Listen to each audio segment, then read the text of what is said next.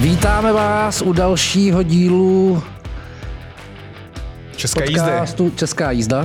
Nezapomněl jste vrátit. Nezapomněl. Výborně. Čau, to. Čau Vráťo, máme tady hosta, Jak jsme slíbili minule, máme tady hosta. protože máme ekonomický speciál, protože Česko máme v recesi, protože průmysl padá, protože malo obchod padá. Chceme se zeptat, jak to bude. Máme tady hosta Víta Hradila ze společnosti Cyrus, hlavního ekonoma. Dobrý den. Dobrý den. Já začnu jednou, jednou citací. Říká se, nositel Nobelovy ceny Hayek říká, kdyby soci- so- socialisté rozuměli ekonomii, nebyli by to socialisté. Souhlasíte nebo ne? Uh, je, že je to hájek, tak řeknu, že ano, prostě, proto, prostě protože ho mám rád, ale přijde mi ten výrok a asi, asi to cítíme všichni, přijde mi tak až hodně, hodně zbytečně škatulkovací a generalizující, ale, ale říkám, ne, nemůžu jít proti Hájkovi. Eh, Chápu a kdyby jsme to parafrázovali na ekonomii, když jsem si zamýšlel trošku na českou scénu ekonomů, eh, těch veřejně vystupujících, tak mě nenapadlo vlastně moc levicových ekonomů. Čím to je? Já bych nechtěl tady prozrazovat nějaký vlastní světonázor. Um, já si myslím, že když studujete ekonomii, tak prostě nevyhnutelně musíte v nějakou chvíli být očarován tím, jak dokážou lidi se koordinovat sami bez přičinění jakékoliv třetí entity, to znamená typicky státu. A když se do toho začnete, začnete tak vás to prostě očaruje. To, jak aniž bychom eh, znali výrobce tužek, aniž bychom jakýmkoliv způsobem komunikovali eh, s někým, kdo těží uhlí na druhém konci světa, tak přes tržní mechanismus eh, dokážeme dosáhnout většinou těch nejefektivnějších výsledků, které vůbec jde si představit. A jakmile do toho někdo přijde s nějakým dirigistickým názorem, to znamená, jakmile se někdo vůbec trošku pokouší uh, vtisknout tomu nějakou svoji představu, že by toho uhlí mělo být tolik, nebo že by si ho spíš měl dovolit ten a méně ten druhý, tak většinou to končí tím, že nejenom, že nedosáhne svých výsledků, ale udělá u toho spoustu škody kolem. Takže to je Ve jako měřítku. No, přesně. A ono obzvlášť jako ve středoevropském kontextu si prostě nejde nespomenout na ten 40-letý experiment, který jsme tady měli, který dopadl naprostým fiaskem. Mimochodem Hayek tomu měl hodně co říct. Tím ale nechci říct, že by ekonomové obecně jako neviděli, ani ti pravicoví, že by neviděli nějakou roli pro stát eh, v sociální oblasti typicky. My prostě nakonec vždycky, nebo typicky jsme ochotní uznat, že dobře, tak vy jako státními ingerencemi většinou obětujete nějakou efektivitu, to znamená někde způsobujete nějaké tření a někde dochází k plítvání zácných zdrojů, ale jsou momenty, kdy je to naprosto opodstatnitelné, například prostě máme nějaké humanistické cítění, prostě nechceme, aby vedle nás umírali lidé, protože si nemůžou dovolit jídlo, nebo aby někdo nebyl schopný poslat dítě do školy, takže si To řeknete, snad nikdo nenaznačuje ani. ne, ne, to ale je- říkám, i ten největší pravicový ekonom pak řekne jasně, tak prostě tady to jako přenechme státu nebo dejme mu tam velkou roli s vědomím toho, že pravděpodobně po cestě jako rozbije nějaké, nějaký porcelán, ale prostě chceme dosáhnout nějakého cíle. Jdeme na aktuality, Vráťo. No mě to úplně k tomu navádí, protože Petr Fiala je nepochybně jeden z příznivců Hajka. Jak si vysvětlujete, že tento konzervativec a pravicový eh, politik se prostě odhodlal k něčemu, co jsme tady posledních několik let viděli spíš od populistů a extremistů. To video a v prostě, Německu. A prostě se vypravil na nákup do Německa, aby zjistil, že tam Nutella je o něco dražší a dokonce má i vyšší gramáž. Takhle, uh, já nejsem odhodník na marketing a na PR, takže já nebudu hodnotit jako tu komediální nebo informační hodnotu toho videa jako takového, ale jenom abych teda trošku se zastal pana Fialy, byť já jako nemám na tom žádný zájem politický, tak on v podstatě to aspoň nezakončil tím levicovým závěrem něco ve smyslu, tak bychom to tady měli přikázat. Měli bychom prostě tu Nutelu jako regulovat, aby stála 24. Jako to by byl asi levicový výsledek nějaké takovéhle návštěvy, takže on, co jsem zaznamenal, tak to zakončil dost tak jako ne, neintervenčně, to znamená ne, ne, nepohrozil přímo někomu, neřekl, kolik by ta Nutella měla stát, takže to ještě tak jako rámcově pravicové bylo ve výsledku. Pokud se ale podíváme na, ten, na, na, ten, na tu věc za tím videem, eh, na ty eh, srovnatelné ceny potravin nebo dokonce nižší ceny potravin v Německu, eh, v Česku naopak ceny potravin byly jedním z tahounů inflace v posledních měsících, v posledních, dejme tomu, dvou letech. Čím je to způsobené? Proč tady Česko má tak drahé potraviny? Proč tady máme tak drahou energii? Proč tady máme v zásadě tak drahé všechno? A nízké mzdy. Uh, takhle, uh, to, že budeme chudší v obchodě, než jsou Němci, je prostě samozřejmé. My prostě jsme chudší společnost, takže to, to by mě to nepozastavovalo. Zajímavé to samozřejmě začíná být v momentě, kdy vezmete to samé zboží a zjistíte, že je dražší u nás, než je, než je v Německu. Uh, první, co bych k tomu řekl, protože já se tomuhle nevěnuju a nejezdím do Německa na nákupy, tak mě by strašně zajímalo, jestli to takhle bylo už před tou inflační epizodou, nebo jestli je to teď nějaká anomálie, která byla způsobená hmm. tím hmm. dramatickým nárůstem cen. Protože pokud by to byl dočasný fenomén, tak si dokážu představit, že to jde vysvětlit prostě tím, že když se ty ceny takhle utrhnou a začnou takhle se kývat nahoru a dolů, tak tam můžou krátkodobě se objevit nerovnováhy, které prostě dlouhodobě tam nebudou. Ale jako krátkodobě se může stát, že něco ustřelí. A teď dám příklad, ale já opravdu nevím, jestli se to týká Nutely, ale může to být třeba tak, že nějaký výrobce nebo distributor prostě taky si myslel, že ho plyn bude stát šíleně, tu cenu nasadil trošičku víc v Česku, protože čekal, že to bude strašná rána. Ona to ta rána nakonec taková nebyla, jemu zůstane větší marže. Ale to teďka opravdu jako spekuluju.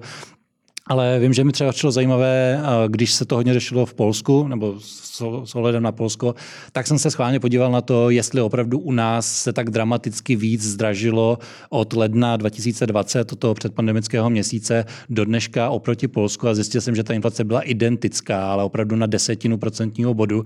My jsme měli úplně stejnou, tuším, že to bylo asi 35% inflaci jako Polsko. Takže pak se člověk zarazí a řekne si moment, tak jak, jak může být Polsko teď nějak jako dramaticky levnější než my, když prošli úplně stejnou inflací, jako, jako se to stalo nám. Takže tam to může být prostě nějakým dočasným rozkolísáním, že my si teda hodně všimneme, že skříň se dá teďka pořídit levněji v Polsku, ale nevšimneme si a možná si toho všimli Poláci, že zase šrouby se lépe koupí u nás. Teď hmm. si to vymýšlím, ale prostě pokud ti statistici, a tohle jsou data Eurostatu, který agreguje od národních statistických úřadů, tak pokud nejsou úplně mimo, tak mm, nám se nezdražilo víc než v Polsku. Zdražilo se úplně stejně. Co do toho teda vstoupilo, byl kurz. Nám koruna oproti zlotému posílala, takže to najednou mohlo, mohlo vypadat, nebo bylo v tom přepočtu levnější. A teda zpátky k tomu, k té návštěvě pana Fialy v tom Německu my máme nějaké důvody, nebo ekonomie zná důvody, proč by se mohlo identické zboží lišit na dvou stranách hranice, ale to, aby to bylo v neprospěch Čechů, to opravdu nedává smysl žádným způsobem. Vy tam prostě můžete mít náklady na logistiku, které jsou nějak dramaticky odlišné, daně, které jsou nějak dramaticky odlišné, ceny nájmů, mzdy těch prodavačů, kteří tam pracují hmm. a tak dále. Nic z toho opravdu nevysvětluje, proč by to teda mělo být v Česku dražší. Všechno to spíš míří tím směrem, že by to teda potom asi mělo být dražší v tom Německu už pro protože ten skladník a ten pokladník, který pracuje v tom supermarketu v Německu, bude chtít vyšší mzdu. Logisticky je to to samé, protože ty trhy jsou těsně vedle sebe. No takže pak už zbývají ty, ty méně, méně veselé důvody, ale já už opravdu jenom spekuluju, protože od toho tady máme uh, jiné instituce, aby to zkoumali a to je třeba intenzita konkurence. To znamená, že může se prostě stát, že pokud ta intenzita konkurence v Česku je menší, tak, tak prostě ty ceny nebo ta, ten prostor pro navýšení marží je tady větší než v Německu. Já opravdu nevím, jestli konkrétně na trhu třeba s potravinami to, to to tak je, ale to je v podstatě... V, kuloár, v kuloárech se mluví o kartelu. Přesně tak, mluví se o kartelu. No. Což je neintenzivní nebo nízká intenzita konkurence, Přesně respektive tak. skoro nekonkurence, takže to je jako v podstatě jediné, co vám k tomu ekonomu může říct. Pokud tam jsou ty objektivní důvody, hmm. jako různé náklady, různá logistika, různé daně a tak dál, tak vlastně jediné, jediné může být konkurence. Mimochodem, ono prostě nikdy to nebylo tak, že by obchod dával Nutelu levněji, než, než může, protože má rád své zákazníky a protože jim chce dopřát snídaní pro, pro děti. Zas buďme realisti, prostě všichni obchodníci obchodují cenu tak vysoko, jak jim to maximálně vychází vzhledem k tomu, jaké konkurenci čelí, aby maximalizovali zisk. Takže pokud někdo si dokáže navýšit marži víc než někdo jiný, tak to typicky je, protože není pod tak velkým konkurenčním tlakem. Hmm. Možná jako když to zjednodušíme, vy, vy jste tady to, naznačil to Polsko, kam ostatně poradce premiéra Štěpán Křeček doporučil před několika měsíci Čechům, aby tam jezdili nakupovat, pokud, pokud nám české potraviny přijdou moc drahý, eh, což bylo také takové zvláštní tvrzení. Jak moc je Česko posunutý cenovou úrovní, vlastně když v Polsku je levněji, byť tam to bylo čas jako díky odpuštění DPH, eh, v Německu je to na stejno, eh, Maďarsko taky má levnější ceny. Jak moc je to uh, posunutý z nějaké rovnovážné úrovně, kterou určuje ten trh? To nevím, eh, ne, ne, nesrovnávám ono, to je dost, dost těžké srovnat, protože třeba z dat Eurostatu vy jako nepoznáte, která cenová úroveň je nižší než vyšší, nebo vyšší, vy, vy dokážete sledovat v čase, to znamená, poznáte, že někdo má vyšší inflaci než hmm. někdo jiný, ale na to porovnávání opravdu košíku zboží a dát na to cenovku v korunách v Česku a v Maďarsku, tak na to, to opravdu tady dělají hlavně ne, novináři, což je záslužná práce, kdy prostě opravdu na e-shopu si vyjedete nějaký nákupní košík hmm. a porovnáte ho. Já můžu jenom takhle od stolu si typnout, teď teda se zřejmě dějou nějaké anomálie, ale obvykle je to prostě úplně jednoduché, to znamená chudší země a Polsko je chudší země, než jsme my, mají levnější zboží, bohatší země ho mají dražší říkám, pokud je z toho nějaký výkyv, tak to většinou má dobrý důvod a obvykle to bývá dočasné. Hmm.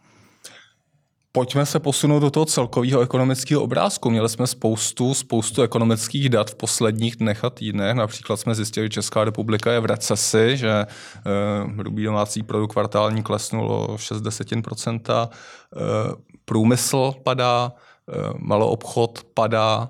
E, který z ekonomických indikátorů vzbuzuje aspoň ve vás nějaký po, optimismus nebo nějaké pozitivní vidění světa, protože eh, co člověk otevře pátry, to, to není moc příjemný výhled.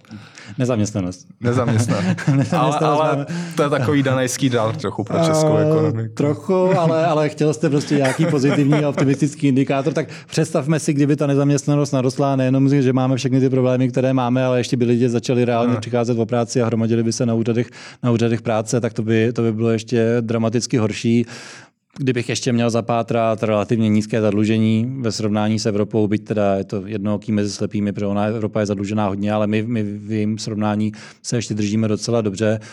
A jinak to teď opravdu docela je obtížné najít něco. Já bych třeba teďka zmínil inflaci, byť to bude možná trošku kontroverzní, ale inflace sice vypadá, že je pořád rozbouřená, protože lítá kolem sedmičky, osmičky, ale ve skutečnosti ty ceny už nerostou. Už je to asi půl roku zpátky, někdy okolo března, dubna, co nám přestaly ty ceny v podstatě úplně růst. Ta meziměsíční inflace už je tak nízká, že už je v podstatě na, na normálu. Teďka je ta meziměsíční inflace za těch uplynulých šest měsíců tak vysoká, jako byla v, v letech, kdy inflace vlastně nikoho nezajímala. Jestli se hmm jenom tak za poslední půl rok české ceny narostly v souhrnu asi o 0,3%, což je vlastně docela málo. Já tím neříkám, že je to špatně, ale kdyby se tohle stalo před pěti lety, tak už by možná ČNB byla na poplach, že máme nízkou inflaci a začala by s tím se snažit něco dělat.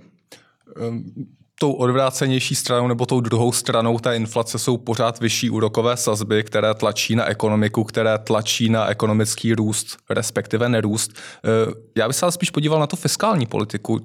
Jak byste hodnotil vládu eh, z pohledu toho, Eh, té podpory ekonomiky, z toho, jak může ovlivnit ty, ty, ty, ty čísla, které teď vycházejí a které jsou velmi negativní. Jinými slovy, mířím na to, jestli ta čísla jsou projevem nějakého strukturálnějšího problému, anebo jestli jsou spíš projevem politiky vlády. Já si myslím, že se hodně často přeceňuje, co všechno vláda je vlastně schopná udělat eh, krátkodobě s ekonomikou. Ona vláda jí dokáže hodně ovlivnit právě institucemi, to tím, jaká, jaká jsou pravidla hry, jak se vynucují, jaká je infrastruktura, jaká je vzdělanostní struktura dlouhodobě. To dokáže vláda, je tam jako ta její role strašně důležitá. Krátkodobě s tím udělá velice, velice málo. Ono v podstatě jediné, co krátkodobě můžete dělat, je, když máte pocit, že ta ekonomika má problém na straně poptávky, to znamená, že se málo nakupuje, a málo investuje, tak co můžete udělat, je prostě zasypat penězi jako na dluh typicky a tím, jak si vyhlažujete hospodářský cyklus, pak nepropadne tak nízko a naopak, když se přehřívá, tak zase ty peníze z ní vytáhnete a ona, ona se tolik nepřehřeje. Jinak s tím uděláte velice málo, pokud je teda o stimulaci ekonomiky dodatečními penězi na dluh, tak tam si myslím, že už děláme až moc, eh, že už jako ty 200, 300 miliardové deficity, že už by opravdu nebyly na místě. A jinak... A máme k tomu vlastně vůbec prostor? Protože to je, to je poměrně častá námitka ekonomů, že my jsme zasypávali tu ekonomiku během pandemie, během energetické krize, během několika dalších krizí. A že už si to vlastně nemůžeme dovolit ve chvíli, kdy bude skutečně špatně nemůžeme dovolit, jako je pravda. Můžeme že... dovolit, ale bude to sakra drahý už potom. No, no to hlavně jako v nějakou chvíli dost, dost přestává dávat smysl. No to nedávalo smysl ani v tom momentě, kdy jsme to dělali, protože tehdy ta krize byla hlavně nabídková. To byla pandemie a, a po ní ucpané dodavatelské řetězce. Tady nebyl úplně tolik problém, že by lidé nechtěli utrácet. Tady spíš byl problém, že nebylo pro ně vyrobeno a že se nestíhalo pro ně dodávat. A v té chvíli, když do té ekonomiky sypete ještě hromadu peněz a vlastně se snažíte stimulovat poptávku, která ale problém nemá, problém má nabídka, tak z toho pak ne, ne, nedostanete nic jiného než, než rychlejší inflaci. Druhý problém, a taky to bylo omíláno hodně, je, že když už teda jste se rozhodli, že tam budete sypat hromady peněz v domění, že potřebujete stimulovat poptávku, tak ale byste si měl rozmýšlet, kam je sypete a ne prostě to rozdávat plošně, jako se dělo tady, kdy se děly opravdu absurdity, to znamená já nevím, zrušení daně z nabití nemovitosti, tím prostě podá, pomáháte lidem, kteří evidentně peníze mají, protože se chystají si koupit nemovitost. Vy pokud jste chtěl někomu pomáhat, tak hledáte lidi, kteří peníze nemají, zrušení superhrubé mzdy úplně stejný problém. Jako zdaleka nejvíc to pomohlo lidem, kteří peníze mají, vysoko a středně příjmovým, úplně nejméně to pomohlo těm nízkopříjmovým. Je pravda, že těch peněz se utratilo až moc a je i pravda, že se utratili na špatných místech. No a pokud je o to, co teď ta vláda s tím dělá, respektive nedělá, tak já myslím, že tam už se prostě teďka chytila do pasti té politické reality a docela jsem věřil před volbami a možná i po volbách tomu, že ta vláda jako si uvědomuje, že 300 miliardové deficity nejsou normální. V momentě, kdy už ekonomika je nepotřebuje, tak by se mělo z toho stáhnout, ale tam prostě narážíte na tu klasickou západku, to znamená, jako dokud jste ty deficity nedělal, tak nikomu nechyběly ty peníze, ale v momentě, kdy už jste je tam jednou začal pouštět, tak se strašně těžko z toho couvá zpátky, protože kdekoliv ukážete, mimochodem teďka je krásný příklad třeba to zrušení té podpory příspěvku na obnovitelné zdroje energie. Jako dokud se to nezrušilo, tak to nikomu nechybělo, jak jasně nikdo to nechtěl platit, ale, ale nikdo nešel do ulic nebo na Václavské náměstí s tím, že mu vadí poze, ten příspěvek na obnovitelné zdroje. V momentě, kdy jste to na chvíli stáhnu a ty to chcete vrátit zpátky, tak najednou to vypadá, že, že se zhroutí svět a, a lidé vám vyčítají, že jste, že jste nehumánní vláda. No. Hmm. Takže podle vás ten konsolidační balíček by měl být radikálnější? Uh, ten konsolidační balíček, kdyby byl jenom prosazen, tak, jak byl původně naplánován. V tom březnu, nebo kdy to bylo? V tom březnu. Uh, a on jako sám o sobě se nezměnil. A já vlastně si myslím, že v rámci, té, v rámci možného, to znamená, je to pět stran, které se musí nějakým způsobem shodnout a je to v atmosféře velice rozjitřené v rámci společnosti. Takže to vlastně vůbec nebyl špatný výkon, ale co se nepovedlo, je, že ona teda na jednu stranu vláda slavně ušetřila uh, těch deklarovaných 100 miliard a nakonec 150, tuším 100 v prvním roce, v roce 24 a pak dalších 50 v roce 25 ale ona zároveň jinými kanály začala zase utrácet navíc, takže ten výsledek je skoro zanedbatelný. Že jo? Určitě jste si všimli, že ten plánovaný deficit se má snížit o 40, z letošních 295 na 252. To znamená, jak to, že se tam nepropsalo těch 100, no protože se utratilo zase, zase jinými cestami. Bylo tam zvýšení výdajů na obranu, zvýšení plateb za státní pojištěnce, eh, růst plat, platů učitelů. Jasně, takže, minulou epizodu vrátil. Ano. Takže jako nic proti tomu, jak se krásně ušetřilo, ano, ale jako mě to připomíná, jak kdyby kdybyste si prostě jako rodina řekli, no tak musíme šetřit,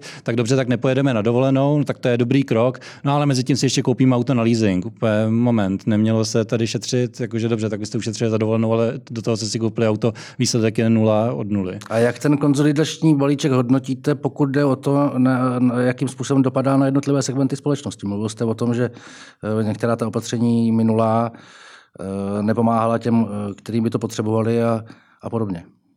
V tomhle se to povedlo si myslím docela dobře, v tom smyslu, že ono to Neudělalo to to, co obvykle ekonomové by doporučovali, to znamená, že to jako disproporčně zasáhne vysokopříjmové oproti nízkopříjmovým. Toto neudělalo, spíš co se stalo, je, že to opravdu šlo hodně rovnoměrně. Jako, hm, těžko tam najít někoho, kdo by se dal označit za, za celkového vítěze, těžko tam najít někoho, kdo by byl poražený, což jako není, říkám, to jako úplně neodpovídá ekonomické logice, ta by spíš vedela, ať teda to spíš navalíte na ty vysokopříjmové, ale... A proč se to pro vás teda děje? Proč to neodpovídá této ekonomické logice? Já si myslím, že to je asi proto, že to je pět stran, to znamená, ona každá hájí nějakou parciální skupinu té společnosti a prostě jediný kompromis, který byl průchozí, byl takový, který jako zasáhne každého a zároveň nikoho nemoc, ale jako já jsem u těch vyjednávání nebyl, tak takhle si to překládám já.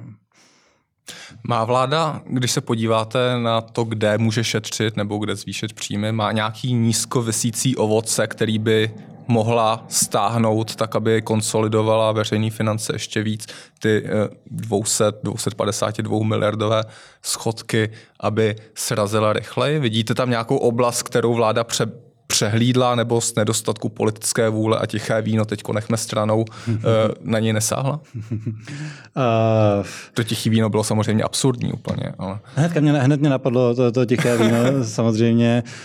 Uh, Takhle. Ale to, to je pět miliard asi, byť jako jsou to peníze, tak, tak, tak. Tak je těžko ode mě čekat, že bych teďka tady přišel s něčím, na co ještě nikdo, nikdo nepřišel no. a že bych najednou řekl, a tady jste zapomněli na 70 miliard a přitom to nikoho nezabolí. Ono na výsledku každé peníze někoho zabolí, ono se občas říká, jako nezatěžujme lidi, on nikdo jiný než lidi jako peníze neřeší, takže vždycky jako zatížíte lidi, když zvýšíte daně nebo snížíte výdaje. Takže já bych se spíš asi odvolal na, na, na ty doporučení nervů a tam prostě to, co vše, všechno to, nebo minimálně drtivá většina toho dávala smysl, většina toho byla opřena o jako fundované ekonomické teorie, to znamená, věděli jsme, že to jsou dobré kroky, které mají menší nežádoucí účinky než ty žádoucí a tam třeba, co si vybavuju a zase to jako okamžitě bylo zaraženo, tak krásný ten návrh byl třeba na to snížení počtu obcí, protože máme úplně absurdně roztříštěný systém obcí. Jestli se nemýlím, tak máme snad nejvíc obcí na obyvatele nebo na kilometr čtvereční v celé Evropě, máme, máme. což no. sebou nese jednak ty úplně jako očividné běžné výdaje, to znamená, vy musíte platit po každý eh, úřednický aparát, včetně starosty, eh, xkrát, protože těch obcí je tolik, ale zároveň to strašně omezuje jejich akceschopnost, protože oni vždycky jako vládnou jenom tomu svému malému katastru, ale jakmile něco ho přesahuje, tak už to vyžaduje nějakou interakci s těmi ostatními. Zatímco jakmile se to trošku sjednotí, tak, tak ta obec je více akceschopná. Těch věcí v tom, v tom návrhu toho nervu bylo, bylo víc. Samozřejmě tam byla zase, zase daň z příjmu jako taková, nějakým způsobem se vrátit k tomu stavu eh, před zrušením superhrubé mzdy.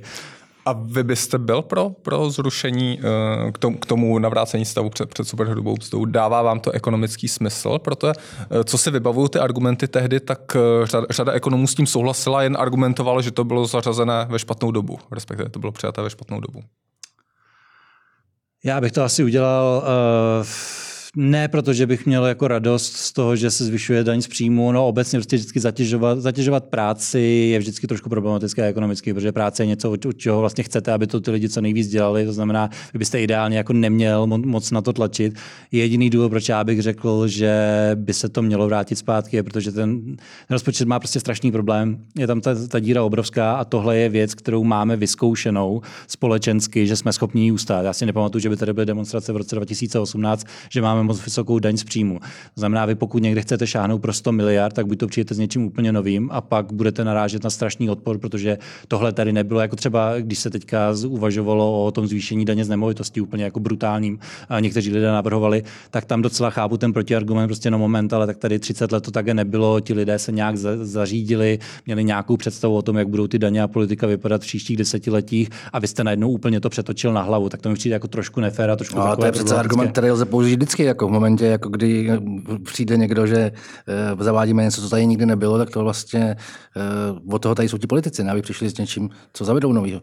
No ale já říkám, že pokud chcete někam šáhnout pro 100 miliard, tak chcete, aby to ta společnost nějakým způsobem akceptovala, tak se docela nabízí vrátit se někam, kde už to známe, kde jsme to před třemi lety měli. Prostě jenom proto, že to by neměl být jako úplně šok a my víme, že ta společnost byla schopná fungovat a s tímhle nastavením. Pokud to budete chtít přenastavit úplně jinak, tak tak to bude něco nového a, a dost možná dost, dost obtížně přijaté. Kdybychom se vrátili pře, pře, pře, k té, zpátky k té hrubé mzdě, k superhrubé mzdě, jak velký dopad by to mělo na střední třídu a v jakém stavu je vlastně střední třída už není? Pod jak silným ekonomickým tlakem je vzhledem k propadu reálných mest, vzhledem pořád silné inflace, kterou tady máme, k tomu tlaku nákladů na, na, na, na život? No, uh, teď se nechci nikoho dotknout, ale už, už to vidím, že, že nějaký e-mail dostanu. Uh, jasně, střední třída, to znamená jako průměrný Čech, dostal ránu jednoznačně s tím propadem reálných příjmů, ale v podstatě ten průměrný Čech se má zhruba tak, jako se měl někde v roce 2018 což je nepříjemné, protože my jsme zvyklí každý rok se mít to něco lépe než, než ten rok předchozí. Navíc je to rychlý sešup, to se stalo během třeba roku a půl, hmm. že jsme se vrátili jako životní úroveň, úrovní v podstatě o pět nebo šest let zpátky v konkrétních případech i u středně příjmových to bude vyžadovat nějaké bolest, nějaká bolestivá opatření, to znamená, někdo musí přesedlat z dojíždění autem na dojíždění vlakem, eh, někdo musí místo návštěv restaurací si uvařit sám doma a tak dále. Vlastně jako někde to budou nepříjemné zásahy do životního stylu, ale ve většině případů se to dá ještě přežít, dá se to nějakým způsobem eh, vstřebat. Kde to je problém, ale vy jste se ptal na střední třídu, ale kde je to vložně problém, tak to je to u těch, u těch nižších příjmů, protože ona ta hmm. inflace tím, že přicházela z těch základních životních potřeb, to znamená z energií a z potravin, tak střední, středně příjmový člověk se mohl vrátit do roku 2018, chudý člověk se mohl vrátit třeba do roku 2013, 2012 nebo něco takového, takže ten, hmm. ten zažil jako mnohem větší ránu a navíc on často má mnohem omezenější ty možnosti, jak, jak tomu uspůsobit svůj životní styl, aby se v tom životním stylu vrátil do roku 2012. Hmm. Kolik těch lidí je, o kterých teďka mluvíte? Uh, jestli si vybavuju na, na tohle pan Prokop, uh, jestli, jestli se nemýlím, dělá, dělá ty asi nejkvalitnější studie a já mám pocit, že oni většinou mluví o nějakých 30% těch lidí, kteří jsou jako bezprostředně ohroženi, to znamená ti, kteří ten svůj současný životní styl nejsou schopni upravit, prostě není, není to v jejich silách a nemají na něj v tuhle chvíli, to znamená, jsou prostě měsíčně v mínusu. A není v možnostech vlády, aby se na těchto 30% eh, domácností nebo lidí nějakým způsobem zaměřila? No to by bylo úžasné a potom se volalo v podstatě už od začátku té krize a odpověď je, nebo evidentně odpověď je, že bohužel ne. A to znamená naše vláda nebo náš státní aparát, což ostatně, že jo, my tady už 30 nebo 20 let minimálně se bavíme o digitalizaci a o chytrém státu a nepohnulo se s tím a ono většinou, když si představujeme, že teda bychom měli mít ten digitální chytrý stát, tak se představujeme na takových banalitách, jako že nebudeme nosit papírovou nebo kartičkovou občanku, že ji budeme mít někde přes QR kód nebo něco takového. To jsou takové ty jako třešničky na dortu, ale tohle je důkaz toho, že nemáme digitální a chytrý stát, protože vzpomeňte si třeba, když přišla ta energetická krize, tak byste si představil, že stát s těmi databázemi, kterých má strašně moc a ví o nás strašně adresně. moc, takže prostě takhle luskne a ono mu někde hmm. vyjede dobře, tak tady pan Novák prostě z Horní Dolní má evidentně problémy. Prostě z těch dat, co o něm máme, víme, víme, že byl nízkopříjmový nebo že má nízký důchod, víme, že je vdovec, prostě víme, že, víme, že nemá, nemá děti, které by mu mohly pomoct, víme, že už takhle měl nějaké problémy, třeba že nad ním vysela exekuce. Někde by vám vyjel z té databáze a měl byste najednou seznam 100 tisíců lidí, tak těm potřebujeme okamžitě pomoc. Jenže dopadlo to tak, že jsme poslali 5 tisíc na přípojku na elektřinu, prostě, což jako je úplně neadresná pomoc, to znamená, my jsme v podstatě rozhodili rukama, ten stát řekl, tak buď to budeme teďka ty lidi hledat, to znamená, asi to dopadne tak, že budeme zvát na úřady práce, aby nám vyplnili sedm formulářů, aby se nám přiznali ke svým příjmům a ke svému majetku. Než to zprocesujeme a administrujeme, tak ty lidi budou mrtví, no to přeháním, ale prostě budou v takových problémech, že už to nebude řešit, no tak se nedá nic dělat, tak pošleme peníze všem. Takže jako hmm. odpověď na tu otázku je, bylo by to fantastické, ale já si myslím, že ta krize, obě ty krize, jak ta pandemická, kde se něco podobného děje s těmi zavíranými podniky, kde my jsme taky jako nakonec rezignovali na to rozlišovat, kdo opravdu v problémech je a kdo není. A v podstatě jsme dávali paušálně peníze všem. A pak ta energetická krize ukázala úplně to samé. My prostě nejsme schopni ty lidi identifikovat dost rychle a dost, dost přesně aby jsme jim pomohli cíleně. No. A dá se argumentovat, že kdyby jsme to tehdy byli schopni adresně doručovat tu pomoc tam, kde je potřebnou, tak ty státní veřejné, respektive veřejné finance by nebyly v takovém rozvratu, pokud použiju ten termín. To by určitě nebyly a hlavně by ta pomoc byla násobně větší. Já teď nechci se tady strapnit tím, že si v, kalkul- v hlavě kalkulačkou něco spočítám špatně, ale když si představíte, že byste místo toho rozhazování všem to dávali jenom 30% těch lidí, no tak vy jim můžete dát dvakrát víc, než co jste jim dal a pořád vás to bude stát 60% nákladů. To znamená, vy ušetříte 40% na těch deficitech a ti lidé dostanou dvakrát víc, co často bude jako dramaticky větší pomoc. Když jsem tady mluvil o pěti tisícovce na přípojku, tak, tak to je přesně ten příklad. Jako ono někoho, kde je opravdu chudý a kdo byl opravdu zasažen drtivě koncem fixace energie, pětitisícovka dobrá, ale vy jste ho jako nezachránil. Kdybyste mu poslal 15 tisíc nebo kdybyste mu poslal 10 tisíc, tak je možné, že už ho opravdu zachráníte. Hmm. A místo toho byste je neposlal tomu miliardáři, který to vůbec nepotřebuje. Hmm. Pojďme se v závěru možná posunout. Mě by zajímalo spousta zpráv eh, o zahraničních investicích z poslední doby také. Eh, Volkswagen vzdal stavbu Gigafactory v Polsku, v Česku, v Maďarsku. Eh, máme tady E15. E Honza Sedlák psal, psal příběh o tom, jak datové centrum Microsoftu, které mělo stát v Praze, nakonec se zamíří podle všeho do Polska. Je Česko atraktivní destinací pro zahraniční investice ještě, pro nové zahraniční peníze? Už moc ne. Uh, už, už od nějakého roku 2016-17, to znamená ještě před tou krizí, už to začínalo být zřetelné v těch datech, že ten příliv investic uh, k nám uvadá.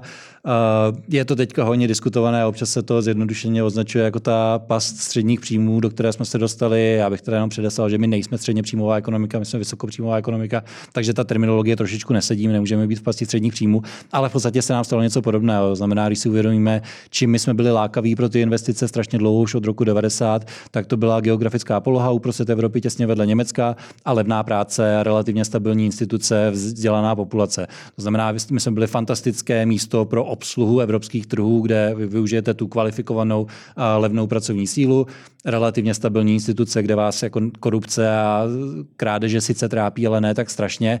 No a budete tady provozovat svoji výrobu nebo cokoliv to je. Takže tohle, co ty investice sem tahalo. No a pak se děje to, že ekonomika bohatne, ty mzdy rostou a najednou vy přestává přestáváte být levný, protože ti lidé logicky chtějí vyšší mzdy.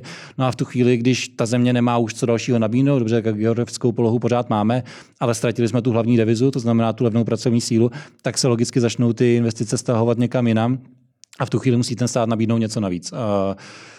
To znamená prostředí, které je vlídné pro nejenom investice, ale pro ekonomický vývoj jako takový. A to se dostávám k tomu, co, jsem, co už jsem zmiňoval, to jsou instituce, to jsou ty pravidla hry, jak máte nastavený uh, pracovní trh, respektive regulaci pracovního trhu, jak máte nastavený kapitálový trh. A jsme zase u aktuálních věcí zvyšování daně z příjmu právnických osob, Lex 6.2 a regulatorní prostředí, který míříte. To asi nejsou pozitivní impulzy úplně z pohledu to zahraničního biznesu. To je samozřejmě jedna z těch věcí, ale těch příkladů je strašně moc. Já třeba jako vždycky si vzpomenu a taky je to hodně citované, ten, ta složitost toho stavebního řízení, kde my prostě jako hmm. jako v tom mezinárodním žebříčku, my jsme 157. Já už si to dokonce pamatuju, jak jsem se na to kolikrát koukal, 157 z nějakých 180 zemí v té složitosti stavebního řízení. To znamená, to jsme někde na úrovni rovníkové Afriky, jako dysfunkčních států, hmm. ty jsou okolo nás. A, a takových věcí je, je strašně moc. To znamená, Tohle můžete nabídnout. Tohle instituce, jednak teda logické a jednoduchá ty pravidla a stabilní hlavně. A touhle cestou třeba do nějaké míry šlo Estonsko s tou svojí digitalizací, že chtěli jako vyniknout v tomhle, dali do toho hodně, hodně energie a nějakým způsobem už se to, už se to projevuje. Nebo a druhá věc jsou, je infrastruktura silniční, datová, železniční, tou cestou třeba šlo Polsko a jako hodně, hodně na tom zapracovalo a hodně tím šlo nahoru. A třetí věc je to vzdělání, ale my prostě bohužel ani v jedné téhle oblasti nějak na špičce nejsme, takže jako realisticky, když jste investor, tak opravdu tady už jako moc, moc věcí, ve kterých bychom vynikali, nezbylo. A odpovědnost za to je za českýma vládama?